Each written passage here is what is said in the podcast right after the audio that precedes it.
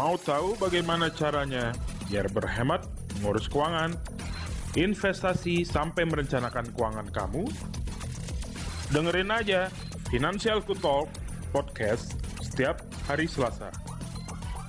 Mari kita sambut host kita, Melvin Mumpuni.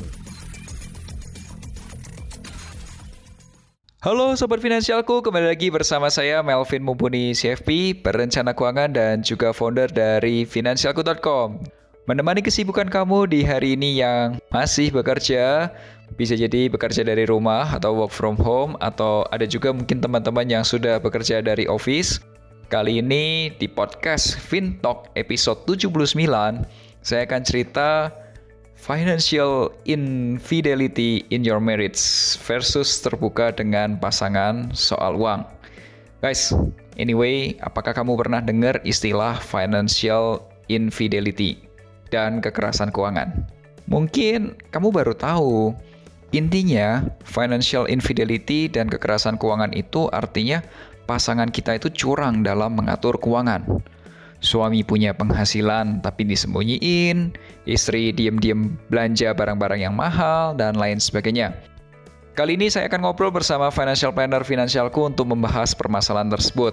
Jadi buat kamu yang masih single atau belum menikah, maka kamu harus dengerin nih podcast ini sampai selesai supaya kamu tahu cara komunikasi yang benar dengan pasangan kamu nantinya. Kalau kamu sudah menikah, saya yakin Podcast kali ini bisa membantu membuat hubungan kamu dengan pasangan menjadi lebih mesra. Karena kamu nggak lagi ribut masalah duit.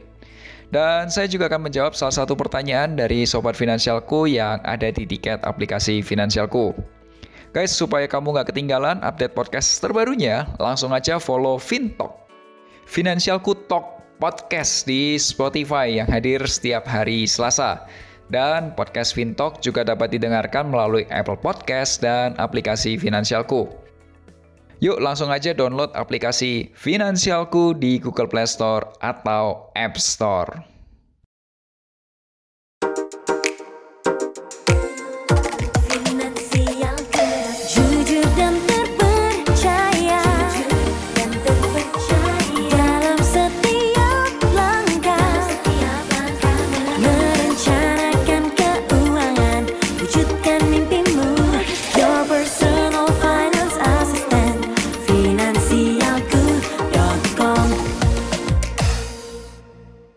Sebelum bahas lebih detail, Sobat Finansialku dapat mengirimkan pertanyaan atau curhat keuangan melalui fitur konsultasi keuangan di aplikasi Finansialku. Dan kasih hashtag, hashtagnya curhat keuangan. Dan salah satu curhatan kali ini adalah Halo Mas Melvin, Mas Melvin terima kasih selama ini saya sudah dengar podcast Mas Melvin. Saya tadinya tidak mengerti mengenai keuangan dan sekarang saya sudah tahu mengenai dana darurat, investasi, proteksi, dan merencanakan keuangan. Saya juga sudah join grup belajar reksadana dan grup belajar saham finansialku. Semoga makin keren. Mas Melvin, saya mau nanya, saya ngikutin finansialku sejak saya single. Tahun lalu saya sudah menikah dan bagaimana sih cara merencanakan keuangan untuk pasangan yang baru saja menikah?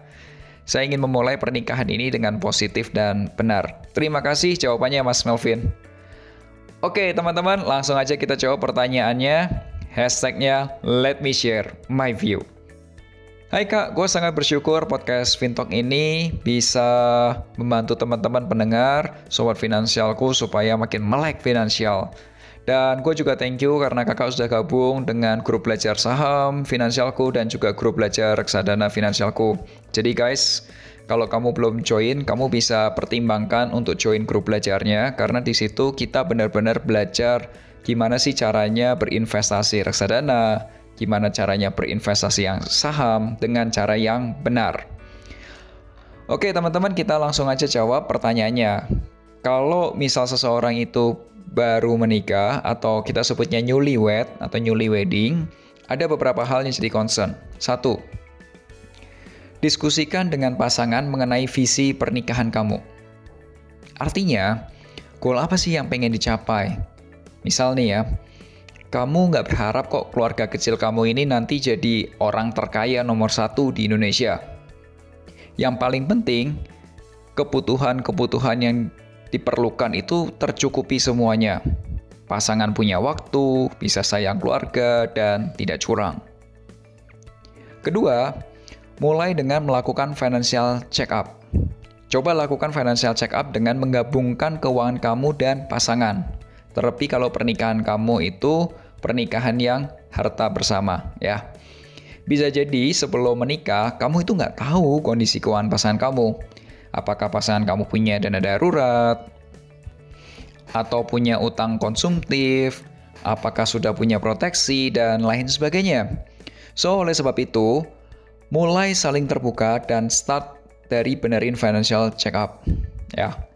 Ketiga, setelah kamu lihat nih hasil financial check up-nya, kalau memang ada yang kurang sehat, langsung perbaiki. Keempat, jika semuanya udah sehat, kondisi keuangan kamu sudah sehat, itu artinya puji Tuhan, artinya dua-duanya sudah melek finansial, fokus langsung ke investasi dan menetapkan tujuan keuangan yang jangka pendek, jangka menengah, dan jangka panjang. Terakhir, saran dari gua, buatlah kesepakatan mengenai keuangan. Jangan asal, kamu nggak boleh ini, kamu nggak boleh itu. Kamu jatahnya cuma segini aja ya. Jadi buat sesuatu kesepakatan bersama. Bagaimana caranya mengelola keuangan. Oke, semoga penjelasan saya dapat bermanfaat dan membantu. Buat sobat finansialku, para pendengar podcast Fintalk, jika kalian mengalami kegalauan mengenai keuangan, investasi, asuransi, atau apa pun itu, langsung aja curhat ke podcastnya Finansialku. Caranya gampang banget, kamu download aja aplikasi Finansialku di Google Play Store. Untuk pengguna Android, atau kalau kamu menggunakan iOS, kamu bisa langsung download aplikasi Finansialku di App Store. Terus langsung aja ke menu konsultasi keuangan. Kasih hashtagnya, hashtag curhat keuangan. Teman-teman, Sobat Finansialku, saya sarankan juga follow akun Instagram at finansialku underscore com dan at melvin underscore mumpuni. Anyway, thank you buat teman-teman yang sudah follow Instagramku at melvin underscore mumpuni karena sekarang sudah mencapai 20.000 followers. Untuk tahu diskusi lebih serunya, karena beberapa penjelasan bisa jadi kurang jelas kalau disampaikan lewat audio seperti podcast ini. Maka saya sudah siapkan materi-materi lain dalam bentuk video di IGTV, bisa jadi infografis, gambar, penjelasan, dan lain sebagainya di Instagram. Guys, saya juga punya program khusus namanya Melek Finansial bersama Melvin Mumpuni di YouTube channel finansialku.com. Videonya akan tayang setiap hari Rebu. Yes, besok dan langsung aja subscribe YouTube channel Finansialku supaya kamu tetap update. Anyway, kalau ngomongin keuangan, terutama keuangan keluarga, itu lebih afdol kalau ngobrolnya sama seseorang yang sudah berkeluarga. Oleh sebab itu, gua undang salah satu perencana keuangan di Finansialku yang sudah berkeluarga dan usia perkawinannya udah cukup senior. Siapa lagi kalau bukan Rista Swestika CFB.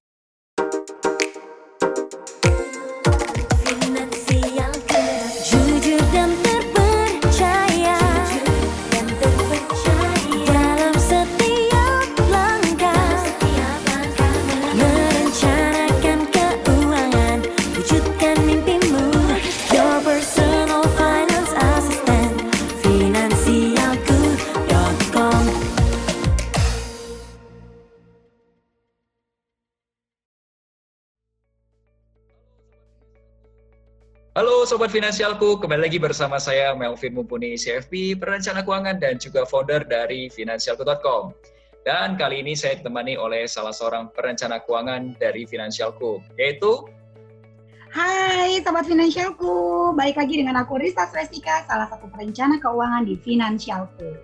Teman-teman, gue sengaja undang Bu Rista, atau gue panggilnya Rista aja deh. Karena apa? Karena topik hari ini tuh kita akan ngobrolin tentang relationship dalam sebuah keluarga dan juga masalah duit. Karena gue juga belum berkeluarga, jadi gue harus undang orang yang sudah berkeluarga dan sudah menjalani kehidupan berkeluarga. Dan Rista ini sekarang sudah punya dua orang anak dan anak-anaknya juga ada yang sudah usia SMA kalau nggak salah ya Riz ya? Yes, betul SMA. Puji Tuhan, yes. Risa, anyway, gue mau tanya. Bicara mengenai perkawinan, gue pengen tahu dong, usia perkawinan lu udah berapa tahun sih? Ngomongin tentang usia pernikahan, gue jadi malu nih ya kalau gue ngomong kayak gini berarti ketahuan umur gue berapa gitu. aduh, aduh ini menolak untuk tua gitu ya, Pin. Oke, okay, alhamdulillah sih kalau ditanya usia pernikahan saat ini memasuki usia ke-17 tahun, Pin gitu ya. Wow. wow, luar biasa ya, Vin. Udah mau sweet 17 nih kalau misalnya ini lagi remaja-remajanya gitu ya. Congrats loh, congrats loh, congrats loh. 17 tahun. I think it's not easy okay. loh. Nah, nggak kerasa ya udah 17 tahun loh di awal-awal sulit gak sih pernikahan gitu? Ada gak sih keributan masalah duit gitu dan lain sebagainya?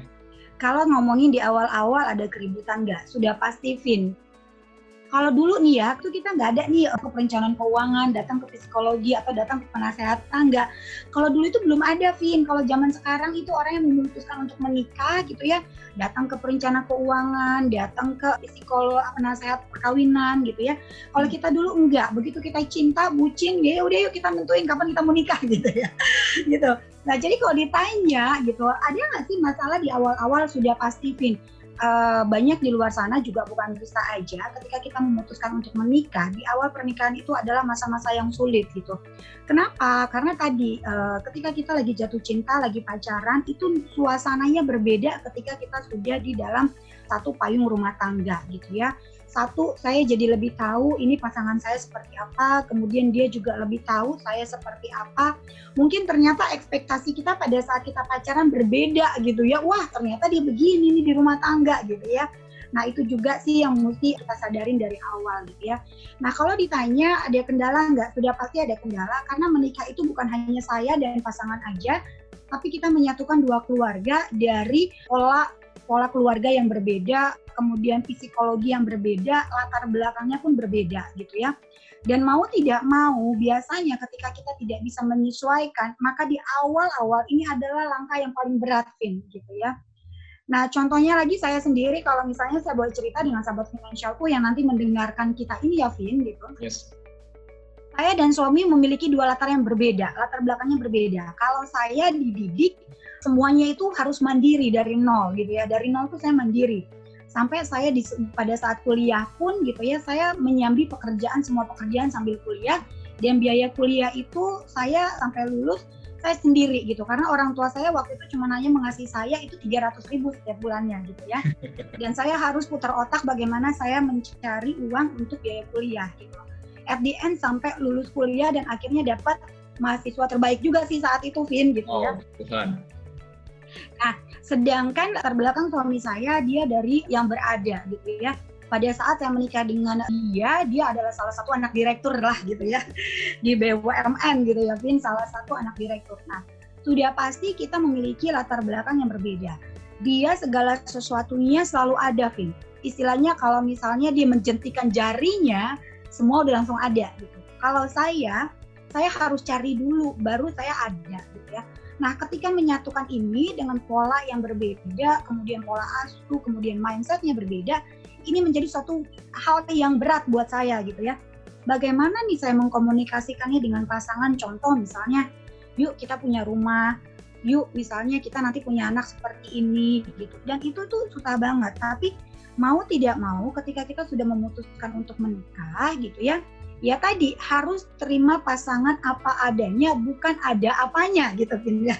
Oke, terima apa adanya bukan ada apanya. Ya. Ya, menerima apa adanya bukan ada apanya gitu. Karena ini tadi, karena ketika kita memutuskan untuk menikah itu pertanggungjawabannya bukan antara saya dengan dia, bukan antara saya dengan keluarga saya atau dia dengan keluarga dia atau kita dengan kedua keluarga, tapi saya dengan Tuhan gitu ya.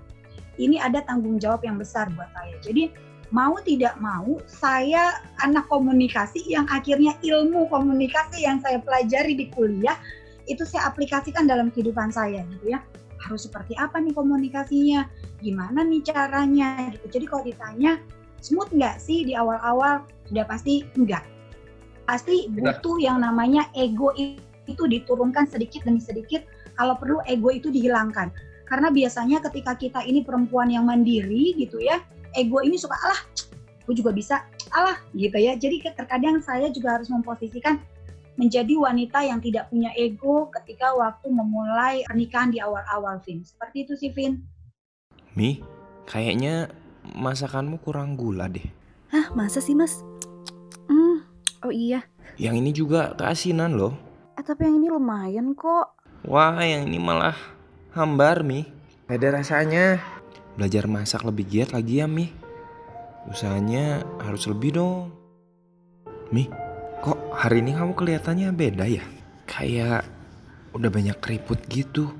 Ah, di mana, Mas? Tuh lihat di area bawah mata kamu tuh. Oh, ini. Iya Mi, kayak nggak fresh gitu. Kamu harusnya bisa rawat diri dong biar aku lebih senang. Tahu nggak Mi? Menyenangkan hati suami itu kan ada pahalanya loh. Lagian skincare zaman sekarang kan udah canggih-canggih Mi. Mami, rumah kok berantakan banget? Kamu nggak pernah beres-beres rumah ya? Aduh, bentar, Mas. Ini si Ade masih rewel. Nanti juga aku beresin kok.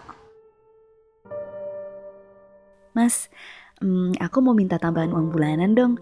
Kan kamu bilang aku harus cantik, aku harus bisa masak makanan yang enak.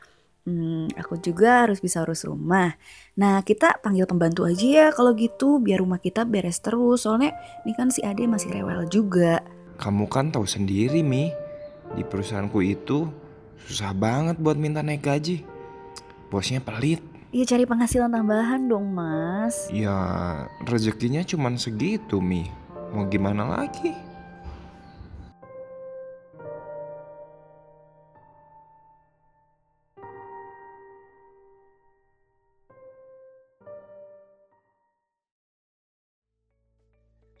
Bisa, kalau zaman dulu, biasanya kalau orang ngelola keuangan tuh kayak gini nih tipikalnya. Suami kerja keras, ya, terus pas gajian uangnya semua kasih ke istri. Udah pokoknya istri suruh ngelola seluruh uangnya.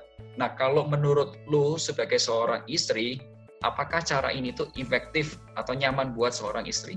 Ceritain dong.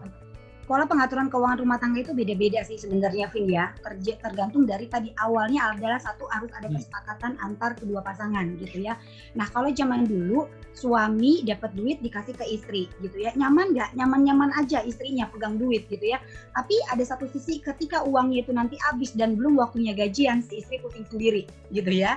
Yes. Itu masalah banget tuh gitu ya. Kemudian ketika dia minta lagi sama suami, suami akan bilang, ini nggak bisa ngatur uang atau gimana sih gitu.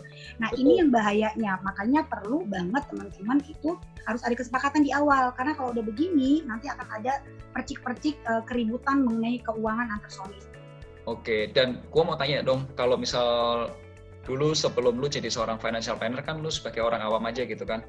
Apakah cara ngatur keuangan tuh seperti seperti itu gitu? Jadi suami kasih uang ke lu, lu yang ngatur uang gitu.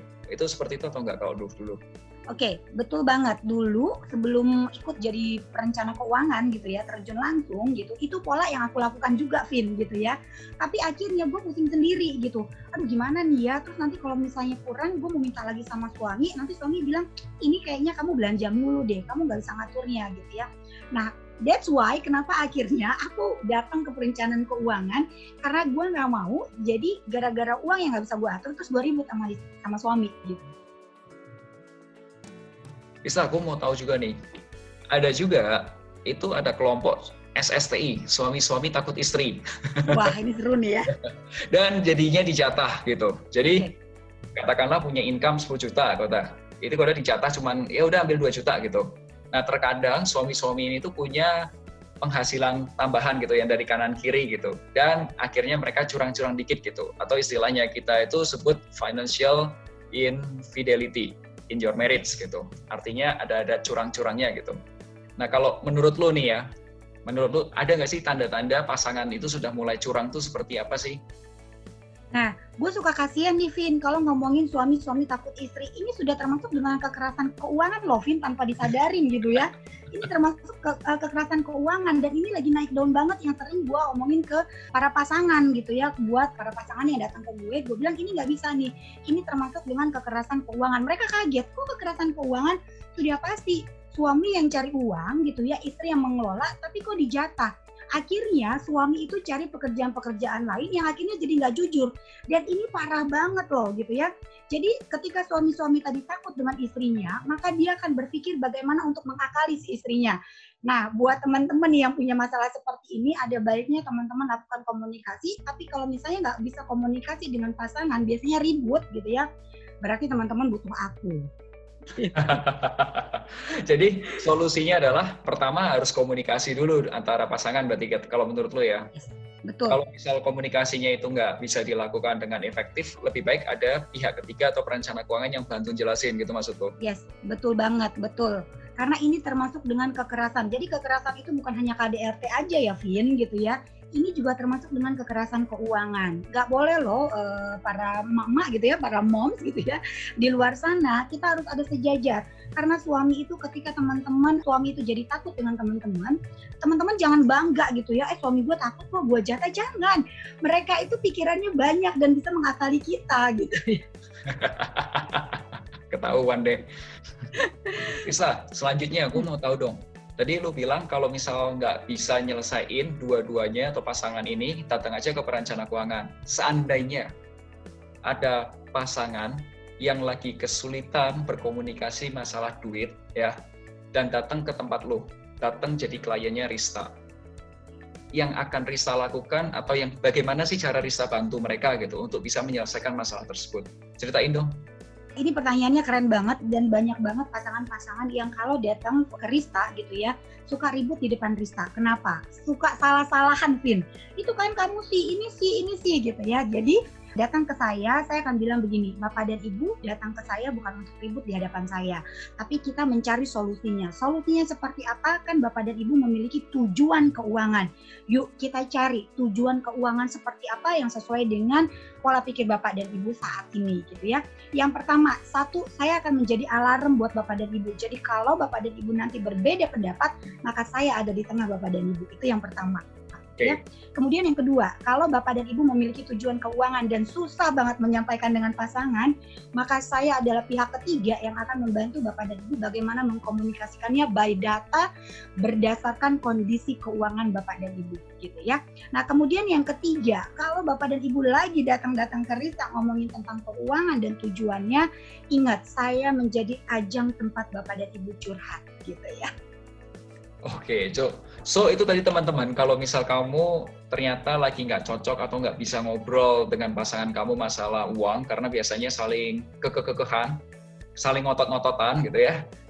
Memang perlu ada orang ketiga yang memang netral, yang memang bisa kasih objektif gitu ya, pandangan objektif gitu, by data, by fakta dan lain sebagainya. Dan salah satunya ke Rista Swestika CF. Riz nggak kerasa nih, kita udah di ujung podcast kita nih, ngobrol-ngobrol panjang juga ya. Ternyata yes, topik ini seru banget sih tentang relationship dalam rumah tangga, kemudian keributan yang bisa kejadian di dalam rumah tangga atau kecurangan gitu ya. Salah satu pasangan curang gitu dan lain sebagainya. Kira-kira apa nih wejangan atau nasihat buat pasangan-pasangan yang lagi kesulitan buat berkomunikasi ngobrolin tentang keuangan? Silakan. Oke, okay, baik. Nah, ini thank you banget buat teman-teman yang udah dengerin podcast kita nantinya gitu ya. Kita cuma kasih pesan buat teman-teman semua. Memang kalau ngomongin keuangan antar pasangan itu susah-susah gampang. Kalau dibilang susah akan susah, kalau dibuat gampang akan gampang gitu ya. Nah, gimana caranya adalah satu gitu ya. Ketika teman-teman buat yang baru mau merit gitu ya, biasakan untuk membahas tentang keuangan. Tidak langsung ke angka nominal, tapi lihat bawa bahas bahasan misalnya oh eh lihat deh yang gitu ya biaya pendidikan saat ini ternyata mahal. Kalau nanti kita punya anak seperti apa ya gitu ya. Jadi gunakan case-case di luar sana tapi tidak menjurus ke angkanya gitu ya Kemudian yang kedua, buat teman-teman yang saat ini sudah menikah, sudah pasti ngomongin tentang keuangan antar pasangan yang sudah menikah itu luar biasa susahnya gitu ya. Karena kita juga tidak tahu apakah Anda menanggung keluarga, apakah Anda menanggung adik kakak, menanggung orang tua gitu ya. Kemudian apakah income Anda cukup, kemudian Anda juga sebagai yang seorang laki-laki kadang-kadang merasa aku tidak mau diremehkan oleh perempuan, perempuan juga merasa tidak mau diremehkan oleh mertua dan keluarganya. Nah, ini kompleks banget tuh Vin gitu ya. Jadi intinya teman-teman duduklah bareng dengan pasangan. Kalau misalnya memang tidak bisa mengkomunikasikannya, ada baiknya teman-teman langsung hubungin Rista di Financialku karena saya akan segera membantu teman-teman semua karena tujuan kita adalah antara laki-laki dan wanita saat ini sudah sejajar. Banyak banget perempuan di sana, di luar sana yang membantu laki-laki untuk mencari uang untuk membantu keuangan keluarga. Jadi so pastikan teman-teman baik itu laki-laki maupun perempuan kedudukannya harus sejajar, apalagi kalau ngomongin tentang keuangan. Jadi lebih enak dealnya. Gitu sih, Vin. Gue setuju banget sih kalau ada kesetaraan atau equality dalam dalam sebuah rumah tangga ya. Jadi nggak ada yang suami-suami takut istri atau ada yang istri takut suami dan lain sebagainya sih. Gue setuju dengan lo. Thank you karena gue belajar banyak dari lo juga karena pernikahan lo, usia pernikahan lo sudah 17 tahun. It means berarti sudah banyak pengalaman dan gue belajar banyak dari podcast ini. Semoga juga teman-teman, sobat finansialku juga bisa belajar juga dari pengalaman lo dan saran-saran lo tentang komunikasi dengan pasangan dan juga keuangan. So, teman-teman, yes. thank you yang sudah dengerin podcast kali ini. Semoga podcast ini bisa bermanfaat buat kamu. Dan sampai ketemu di podcast berikutnya. Akhir kata, make a plan and get your financial dreams come true.